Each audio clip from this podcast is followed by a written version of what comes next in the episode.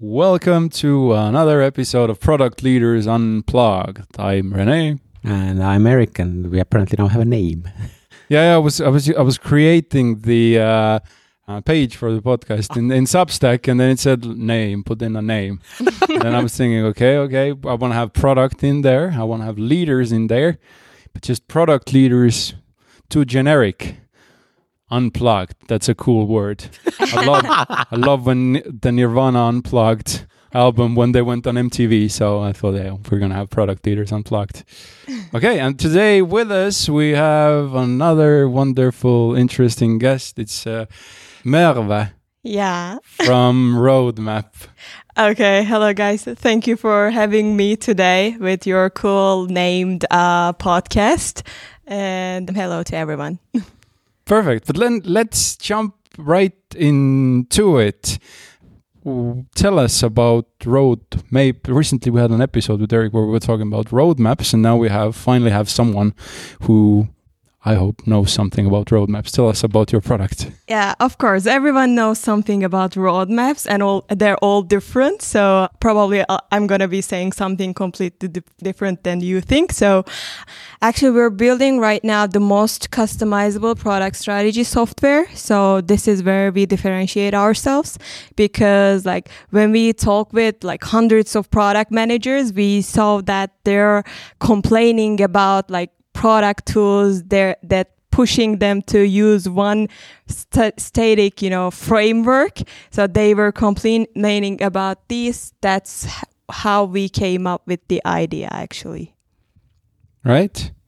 And how long have you been doing this now? How's it going? Tell us. Um, tell actually, us uh, it's been the, the journey started early on. We recently pivoted to Roadmape, but before that, beginning of 2021, we were building an all-in-one product management software called Productor. Me and my co-founder, we saw the gap in the market about how it is hard to integrate customer insights into product management flows. So we started with more holistic approach. And then we were also planning to add road mapping module actually into that product, but we were postponing it because like road mapping was so custom for each company based on their culture, how they work with their team. So we postponed to see how they're doing it. And then we started to get like, you know, hate emails from our users saying that why don't you still build road mapping module, etc. Then we, then we started to be curious about what's the rush because we thought that there are already some solutions in the market. So we started to dig deeper into that and saw what they're having struggles with actually. And, you know, right now that, that, after seeing these problems we pivoted recently in october and started to onboard our first user doing early adapters program right now right and what what is it that you can do okay. better than uh, what is what is already mm-hmm, mm-hmm. commonly mm-hmm. used yeah let me you know go deeper on that when you look at the market, you see two types of tools. One is like, you know, pretty dedicated and rigid structured product management tools. And when you go try one of these, you need to adapt to those models or frameworks they think is the best. But this is not really the way it works for most product teams. And the other type of product tools are like, you know, unorganized and like you know tools like data database tools like notion and airtable to make it more flexible and custom.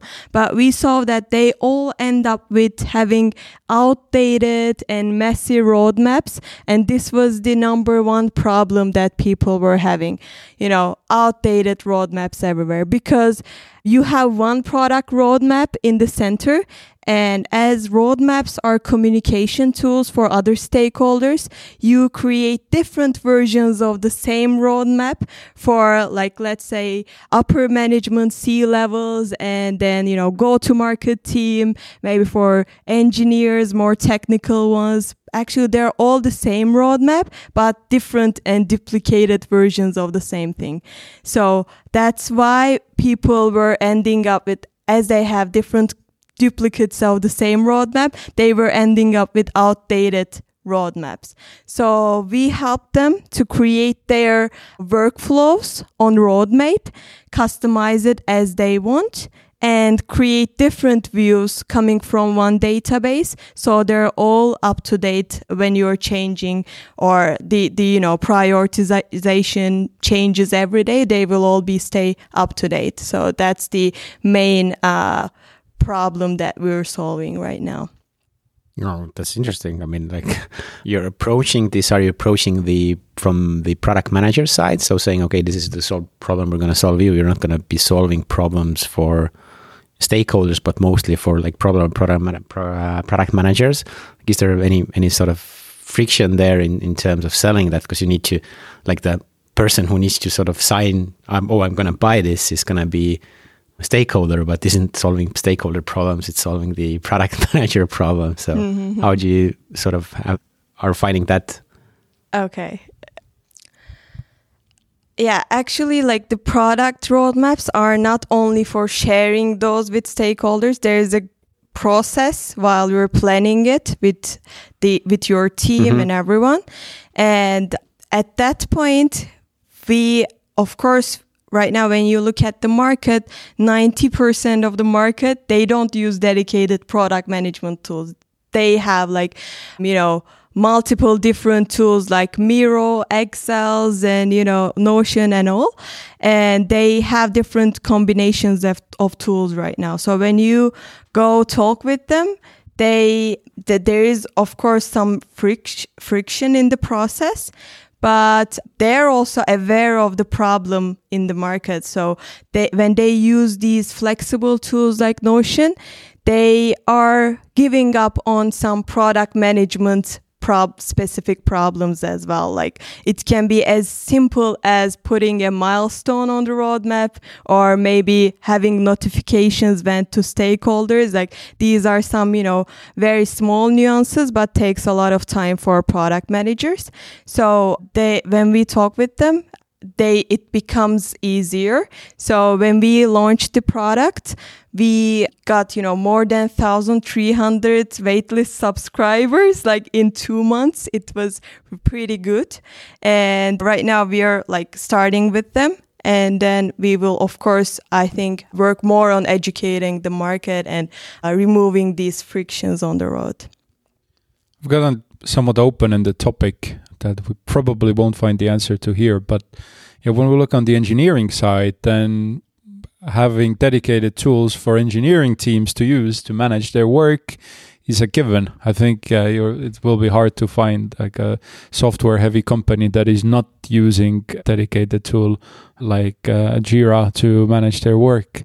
But how how come? I think it is both to you, Erik and Merve. How come product managers don't have these tools like engineers have? Yeah, yeah, that's actually the one of the questions we also ask because like everyone has their home like marketing people have HubSpot and sales people have Salesforce and you know they, they all have their home and when you look at product managers, they're like juggling between tools to understand what sales are thinking and going to their tools and to communicate with developers. They go to Jira or Linear or uh, like but if like if there's any tool in place so i think it's it's really important to have a single source of truth. Actually, we're trying to do that as product managers in different places, like, as I also said before, like Notion or anything that is flexible to put those insights from each stakeholder to make sense of these information. Actually, that was one of the pains that we wanted to solve because you are gathering lots of information like ideas, feature requests from all those stakeholders, but you're scattered everywhere. So I think product managers also need that dedicated place, but as we are in nature trying to fit everyone's workflow, we need something really specific and customized because when we try to fit into something rigid, it doesn't work for us because they're all different workflows with different Yeah. people. I guess it's also the nature of like how you usually have like teams. It's like there's not that many product managers around. To be honest, like even the larger companies, like the ratio between product manager and developer, it's it's really as it should be. It's tilted towards developers or engineers, and that also means that there's more need there. Plus, I guess it's like when you're you, you tend to like have some some cooperation within the product organization or within your organization with the other product managers.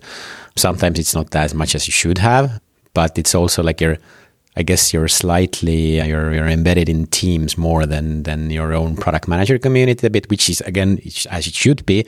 But that also means that perhaps those voices aren't as, as like go heard. You know, don't have like one single team saying, "Oh, we want that." Then I guess then the other question there is thinking out loud is that since there are so many different needs, then it's really hard to say oh, what we want. It's like it's sort of the herding cats kind of thing. Five people come into the same room and like I have these requirements here, and the other mm. guy from the same organization says, "You are stupid. I have these ones. Yours are." useless totally and then it's hard to have like a, whereas with developers or engineers I, I guess it might or even marketers it might be a bit more easier to make something sort of universal that you can scale i don't know just thought. So I guess the, that sort of might explain your customization possibilities. It's like you need to have something that, that sort of is really moldable.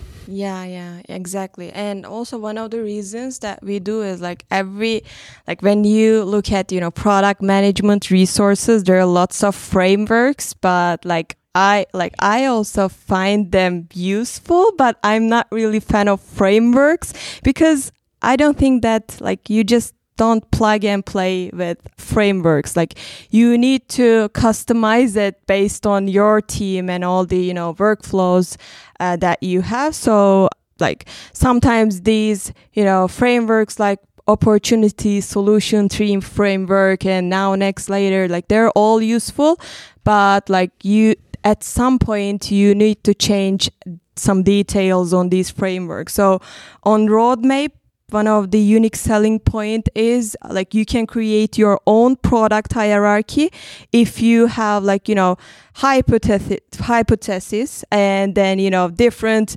problem based framework or different kind of thing. Maybe your you can call it Erik framework. It doesn't matter like what you call it but you can create it yourself. Like i don't i don't believe in those like you know framework play Especially when it has like the trademark sign somewhere, and then you can sell your your your, your things or trainings, and then it's like, oh yes, really, it's it's the only one that's useful. yeah Uh, Mm, that's a monetization idea. that's a monetization Get some, idea.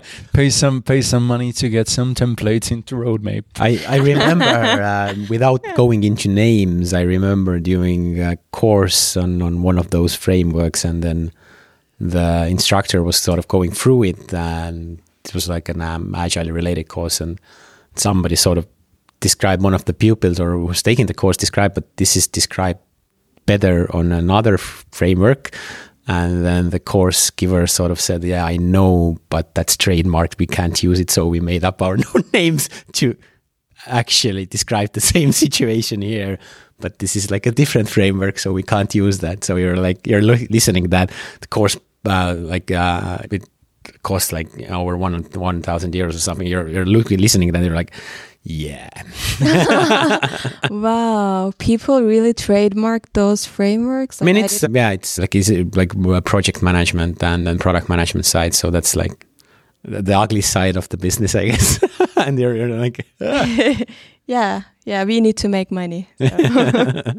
Yeah, I think that's the struggle I have with product management related uh, frameworks and, and, and approaches is that in order to be a good product manager, you have to be a good communicator. And once you're a good communicator, you figure, hey, I'm going to th- throw out the book and then get a website and blog up and running.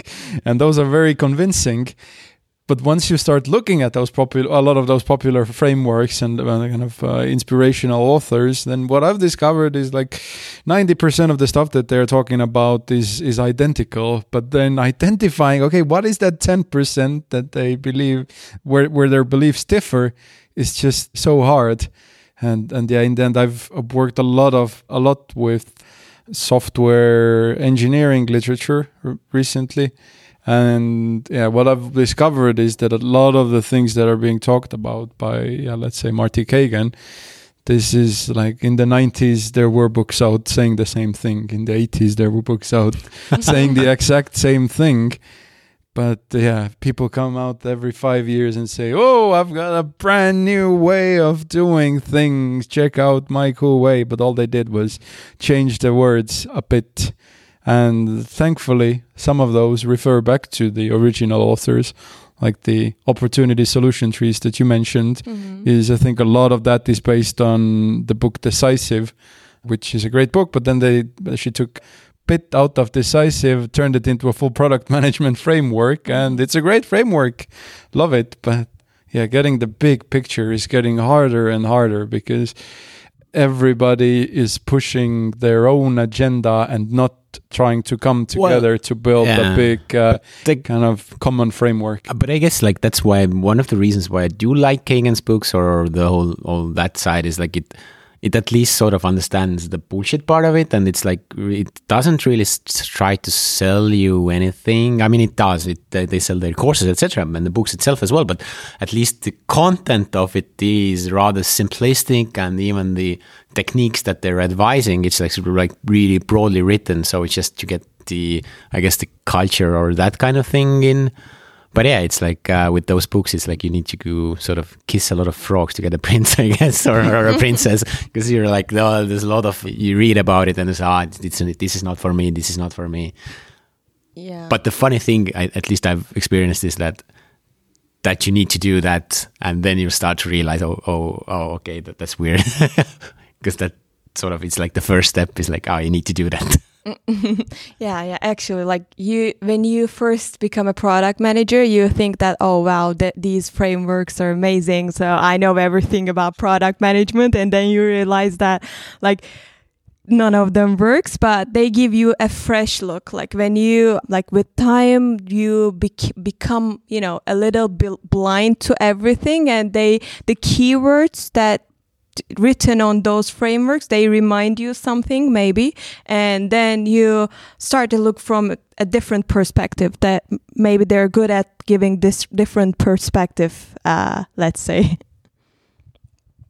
Mm, We're like uh, slightly like the movie where we're using Nolan, Christopher Nolan's movie. We're using the time differently, but like starting from uh, a bit more the beginning. Like, how did you get into product management? Because I, I guess that's like your your your starting ground on how you may mm, end up with Roadmape. Uh-huh. Actually, like I started as a growth person. I I have growth and marketing back- background, so like then I started to you know ask questions about our product when th- the time that I was working for a you know startup again.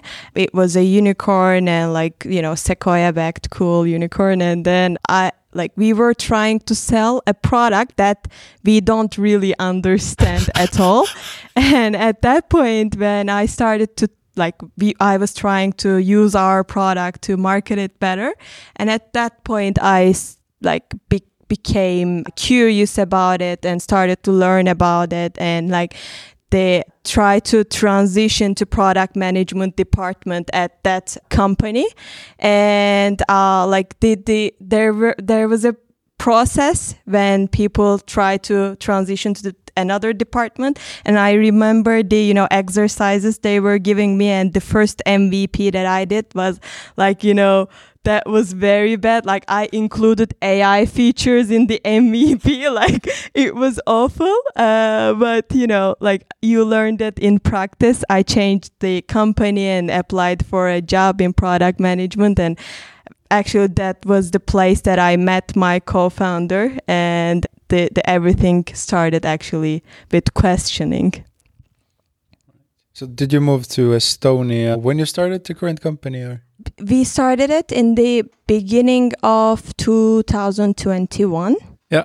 And then after we got our first pre-seed round, we moved to Estonia. Oh, Like it's been a wonderful timing for a move, I guess. yeah, of course. Like we were focused on Europe. So like we already had some friends in here. So Yeah. they mentioned the community and entrepreneurship culture in Estonia. That was the reason why we chose here. Oh la la, Estonia chosen for its great culture. Nice. yeah, like people were asking me all the time, why did you come here? Like the, the first time I heard that question, I was like, like, like I didn't think that it was in a good uh, intentions. like then I realized that they were curious, that like really curious, why did we choose here? So The- from Estonians, it's the self-deprecating humor that kicks in here. Like, you wanted to come here? yeah, yeah, I was pretty shocked. right. Yeah. Uh, uh, where did you move from? uh, from Turkey. From Turkey, right? Yeah. Yeah.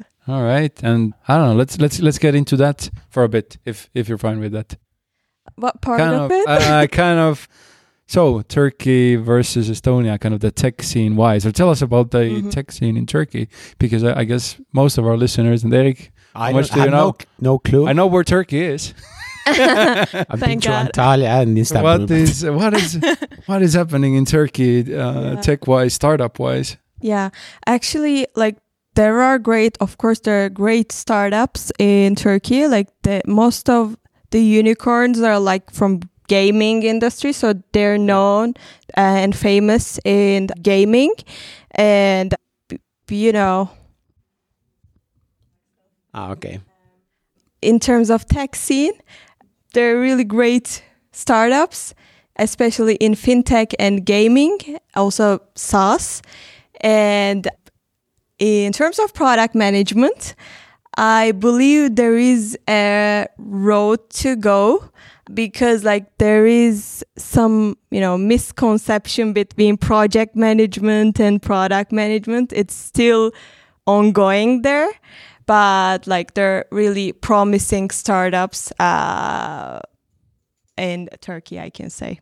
Right. And now, when you com- when you when you compare it to Estonia, or when you when you look at Estonia, like you had some expectations before coming here, so now you've been here for a few years. Yeah, actually, How is it? like I- I was really surprised about like when I learned that it's the when most unicorn per person, like I don't know how to say. Yeah, it's per capita. No, it's Per not per capita. that- Uh, yeah yeah like like having this much unicorns in such you know small population. That's great. So i was very surprised. And as it's kind of like you know small community it's a lot easier to reach out to someone. Like when you want to talk with someone from bolt or wise or you know the unicorns from here. So it's a lot easier and people are really you know i think supportive because we also have a product management community in here Tallinn and like we were invited there like in 2 months when we moved here so we met lots of people so i think it's a lot easier to get to know people and reach out to people and get their support in estonia Nice. Praise for Tallinn. Tell us more how, how magnificent we are. but you you know you still have direct flights to antalya so Yeah. for a good Huh? weather Yeah, yeah. There is uh, totally unrelated random fact about Estonia. So in in addition to unicorns, there is one more thing where Estonia is one of the top countries in the world when it comes to per capita statistics, and that is the number of opera performances per person. Estonia is number two after Wow. Austria in the world. wow Go and see go and see opera once you've finished up your uh, product management work at 5 p.m. or whenever that ends. yeah it doesn't end but like I, I, I'll I, do. I went for slightly more darker themes where I also know that there's there's quite high on per capita, but yeah. oh no. Uh, Ah, nice. So we talked about the lack of product management tools, or nowadays there are product management tools, but so few companies are using it. What are the changes that that you and your company is kind of seeing in the future? Are companies going to start uh, using more of these uh, products, and how can we get, how can we convince companies to put more money into product management tools? Because of course, once companies start seeing that hey, product management is a discipline uh, itself, we should be thinking how do we do this in the best way possible, and that means we're going to have more money in the product management tooling world. And then we're going to have better and better tools for product managers which means product managers can get even better work done. But what how how do you see the future? What's going to change? Are we able to convince companies? Yeah actually the thing that we need to do is like the showing the why behind the product decisions so that's how we can convince them to use these dedicated tools. So they need to understand the product strategy that we are, you know, putting there, putting out there and communicate with these stakeholders. And that's why actually in Roadmape we have this, you know, always trying to show easily zoom in and out in the product strategy and execution. Because as product managers we sometimes too much focus on execution or too much focus on the overall picture. And it doesn't help us you know seeing the over, seeing and reflecting the product strategy. And in that sense we are you know sh- trying to show the ROI of the you know product decisions that we're making on the roadmap on the roadmaps. And also uh, any you know any wrong movement or any wrong decision in product strategy actually cr- starts a chain reaction at a company. So i was talking one of the product managers during the you know our idea validation stages. Actually, it's one of the unicorns in this region. And he mentioned that, that there, there are a couple of different product teams and they they were going over product roadmaps quarterly with their management team. And during this quarterly evaluation meeting, they realized that they were building competing features in the same company and like one of the teams need to kill this feature. They worked for like two months and it didn't happen once. And you can imagine the cost of people working on the, these you know killed features and also the opportunity cost. So we like companies need to understand the something that when someone makes a mistake on product side it becomes detrimental for the company. So that's where we can show the roi or like opportunity lost when there's a not dedicated tool for product managers to manage these. Because we need to bring some level of order to these chaos. Other than that there will be always these mistakes I think I've got a name for kind of the concept that you just very ex- explained very well. In in concise and I think in the software world in general something that is talked about a lot recently shift left security where companies want to discover and fix and prevent security issues as soon as possible preferably you know you use automated scanners and every time you do a commit it checks it for common uh, common vulnerabilities that might be introduced it tells you boom there is there is an issue here fix this otherwise we won't allow you to commit it. So instead of waiting for things to run into production and a hacker to get access to data we want to do this as early as possible. But now in the product world, I'm going to trademark this term now. It's uh, shift left validation. we want to we want to do validation as early as possible. And this is not a new new concept, of course, but but I don't think anyone has coined the term for it. And now send some money my way every every time you say this term. Oh my god, go for but, it. Uh, basically, yeah, what we want to do is validate as as early as possible, as cheaply as possible, and product management tools, one of the benefits of product management tools is that it is going to, to, to help and and also I think what companies are missing is a communication between product managers or kind of departments in general. There's a lot of data available to do this validation, and data gathered because of, of some previous features that were being or ideas that were being validated, but just data that is that is gathered for for some other purposes. All of this can be used. And now in the product manager's toolkit, we need to figure out okay, how can we connect all this together to validate as left as possible?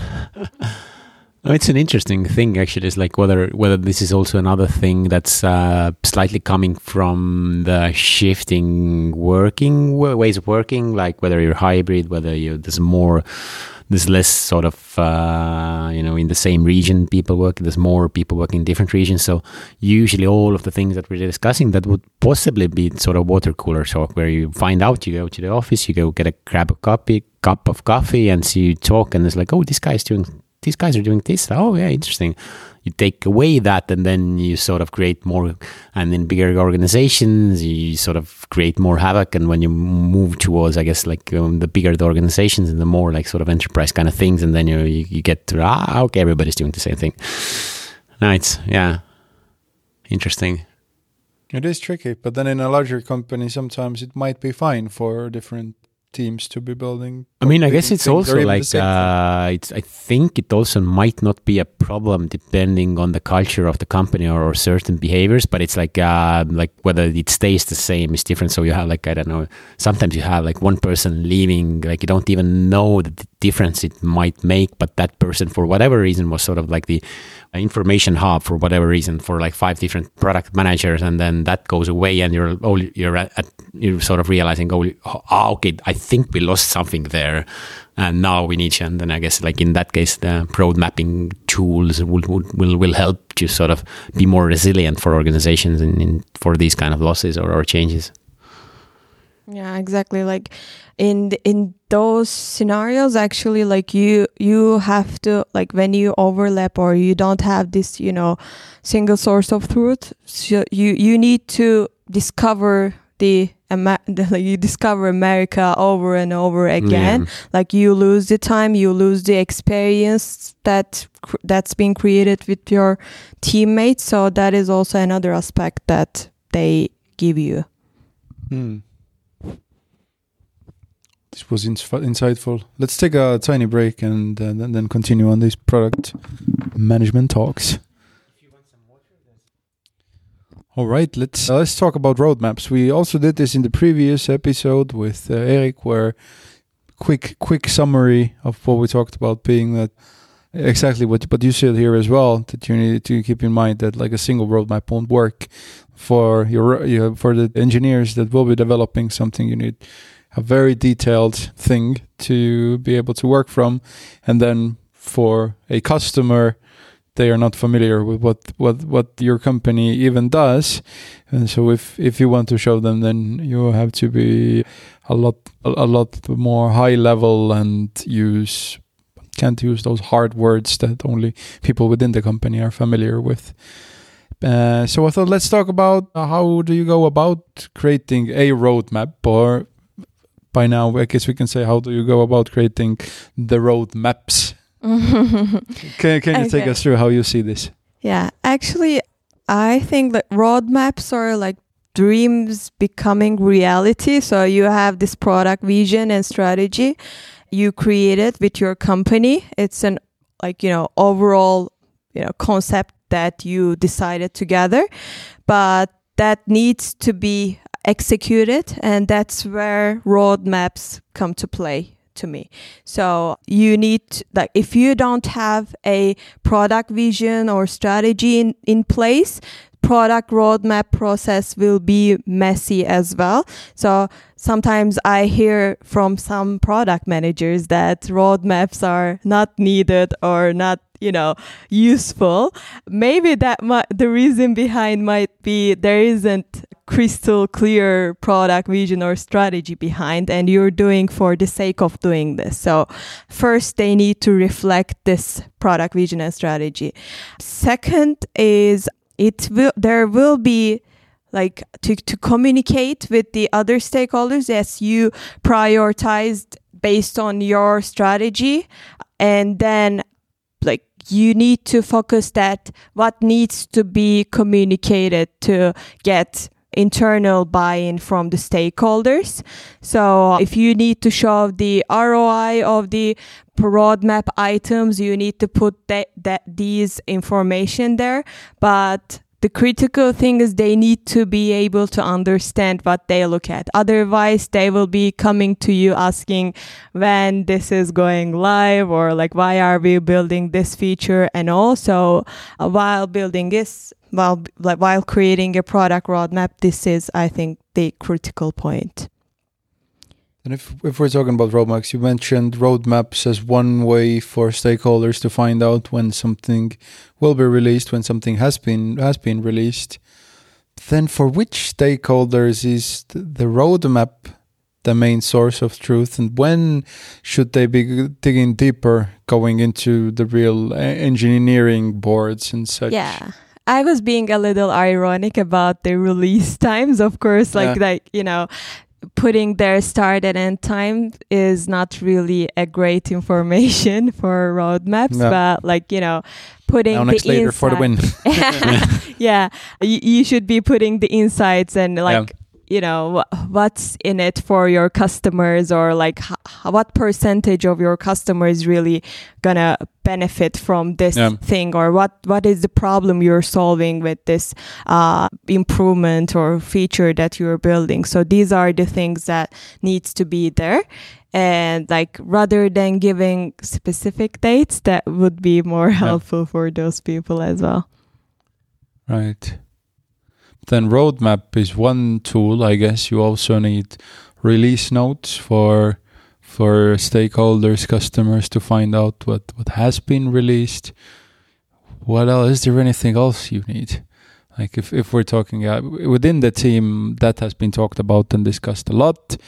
But then yeah, for because we're getting into team kind of external communications or not team like team team communications in general communicating the great work you have done as a product manager and with your team. You can use roadmaps, you can use release notes.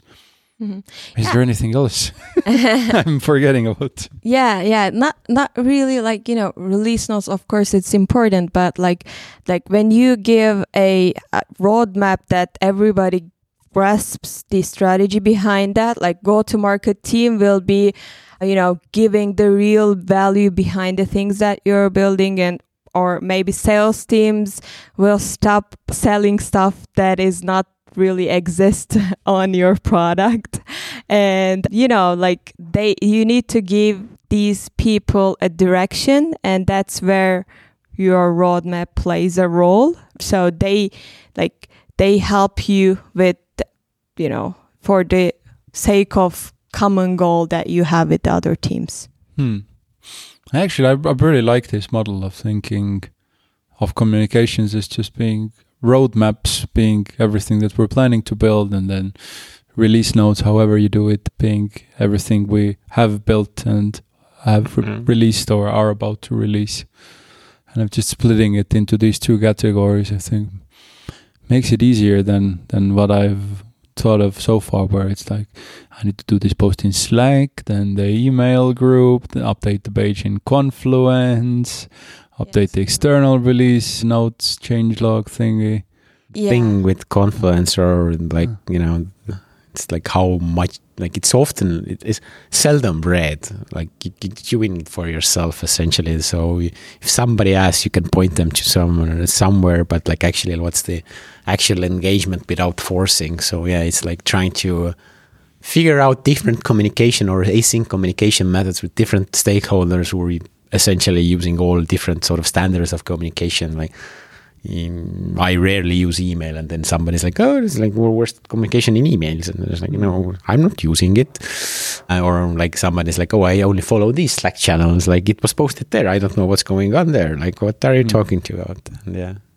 They said that Estonians are slow, and now I am feeling a bit slow because now I realize, okay, all we're talking about here is how to communicate what the team is planning to do and what the team has done to the world outside of the team I mean, like there's different communication. So I was like, so my context right now is I'm working with a team that half is in US, half here. So we're communication is an issue.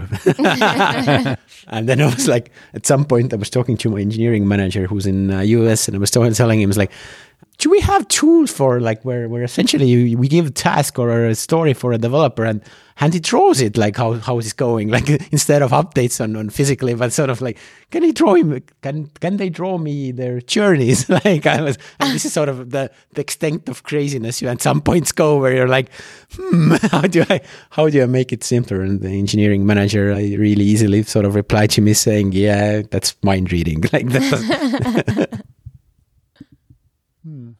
Then what is the company size like of of of your clients or your customers? Sorry, at at the moment, how big are they? All right, is it all around? Mm-hmm. Actually, like previously, we were more focused on startups. Yeah. So because like they are like a lot dynamic about switching tools and changing, you know, things at the company. But right now, as as we pivoted, we are more focused on scale ups and enterprises because like road mapping is a, a lot bigger issue for them because it's harder to align and communicate with lots of stakeholders. So right now with first users in Roadmape, there are more scale ups around like 200 and 500 employee size i can say. So they have a couple of different product teams. So they want to manage their dependencies between product teams and uh, you know communicate different roadmaps with different stakeholders. And they couldn't uh, fit into the product management tools because like as they grow as a company their way, of change uh, their way of managing product changes. And they needed to switch from tool to another because they cannot fit into those. So that was the problem. And the ones that use tools like Sheets and all the, and this is a really huge percentage, people doing, you know, roadmaps on Sheets and they, they, they are, you know, frustrated about doing everything manually because of no integration at all. And we have this, you know, Jira and Linear integration and also, you know, for communication, Slack or Discord integration. When there is a change, the, you know, related people are get notifications and also uh, it is for like dedicated tool. So to make these easier for uh, product ma- managers, obviously. Mm. So right now we're in the middle of, you know, trials. So we're going to see how it ends. But like I can see the light at the end of the road, I can say. Do you, do you, like with, with large companies, how do you convince them to choose like an early early phase uh, product Mhm. because there's a much bigger risk of of the product uh, just uh, disappearing at some Mhm. Point. there are some advantages and disadvantages advantages of course like you need to convince them that you're not going to die first being vc backed is an advantage as we are already so and at the um, one of the advantages is like we don't acquire lots of customers at the same time right now. We have an early adoption program. So we have like 10 customers in this program. So we guarantee that we're gonna, you know, decide and shape the product together.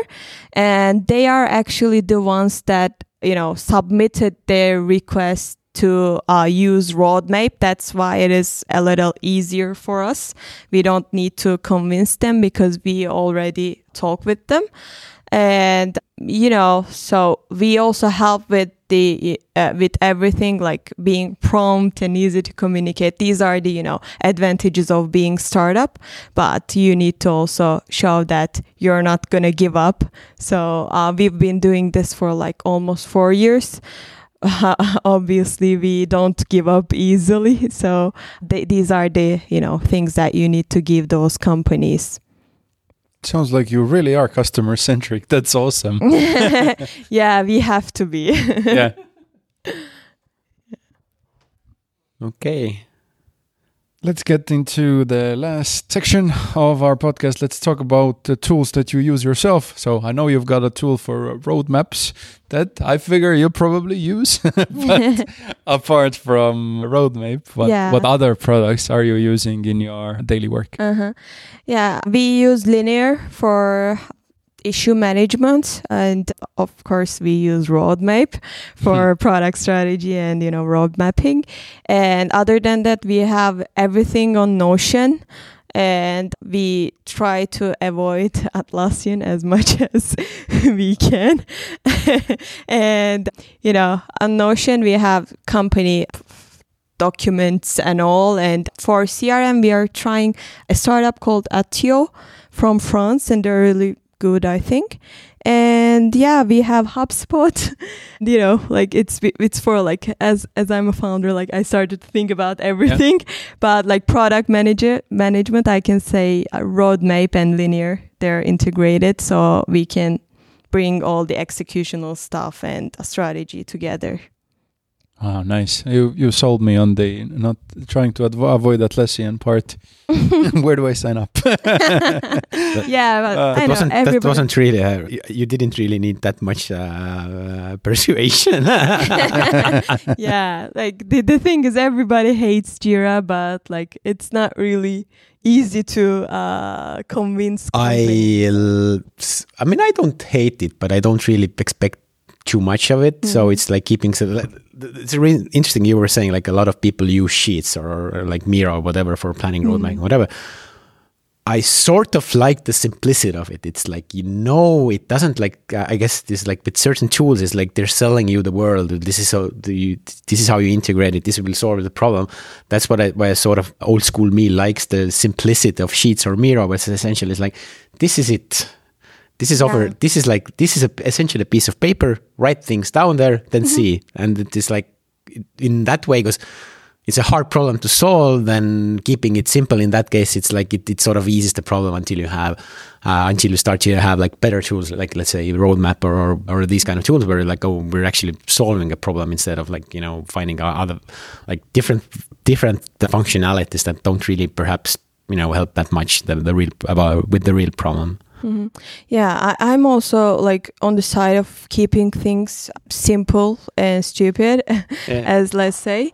And you know, as you scale, that's why we don't really focus on startups uh, Yeah. because, like, at that point, you need to keep things fast and like you know easy and simple and all. So, but the time you start to scale, Yeah. so you need to manage like as there there becomes a you know product organization. There's a CPO, VP, head of product, yeah, yeah. group product manager, and all those people.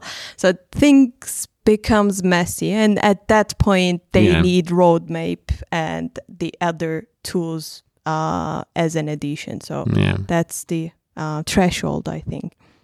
Uh, one of my questions I like to ask people is like, how do you uh, allocate time in learning? Like, um, so personally, one of the things that I was sort of struggling at some point, and I was like, okay, like, essentially, I have three things to do, like, or, mm, sort of learn. One is like domain knowledge, uh, so really specific to where I'm at or what what job I'm currently doing. Then is like others like, you know, my profession specific, so product management stuff, what I can find, what helps me and sort of like the general thing. So like sort of trying to like free, uh, free different things. But how do you like how or how do you uh, do you more go for your domain or, or do you like to sort of look into other things as well? And if if so, what what uh, what the areas or or where? Mm-hmm.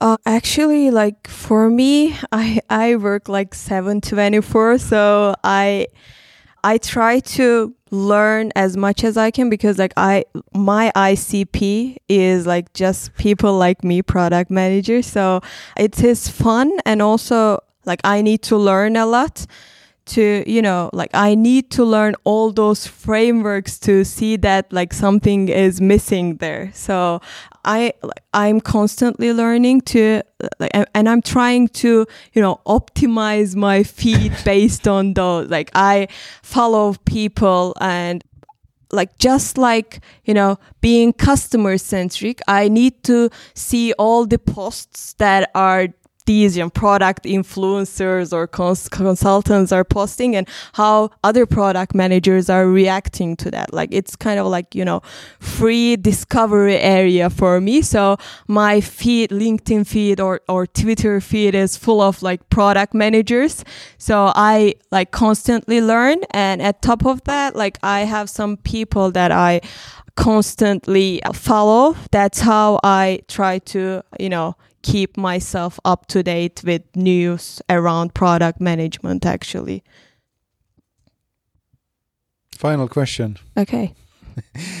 Hopefully, by now, some of our listeners are convinced that Mm-hmm. Roadmape is something they want to try out.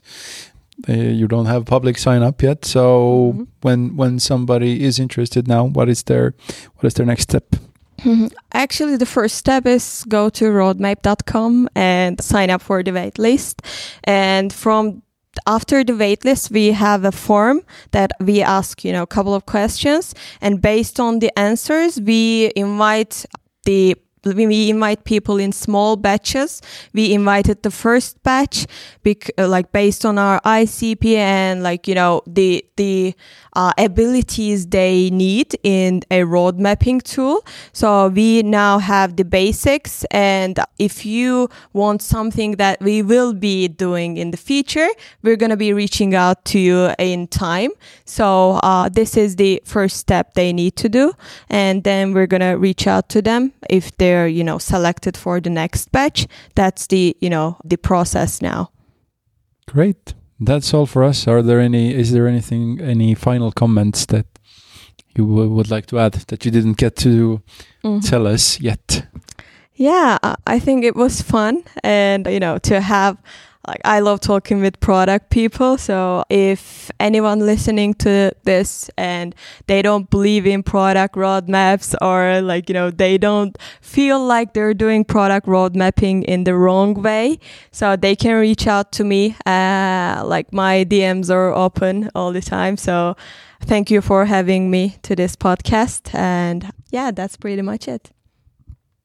Thank you so much for coming. And to our listeners, if uh, you have any questions about product that you would like to get answered on this podcast, then send us an uh, email or message on LinkedIn, and we'll be sure to cover your topics.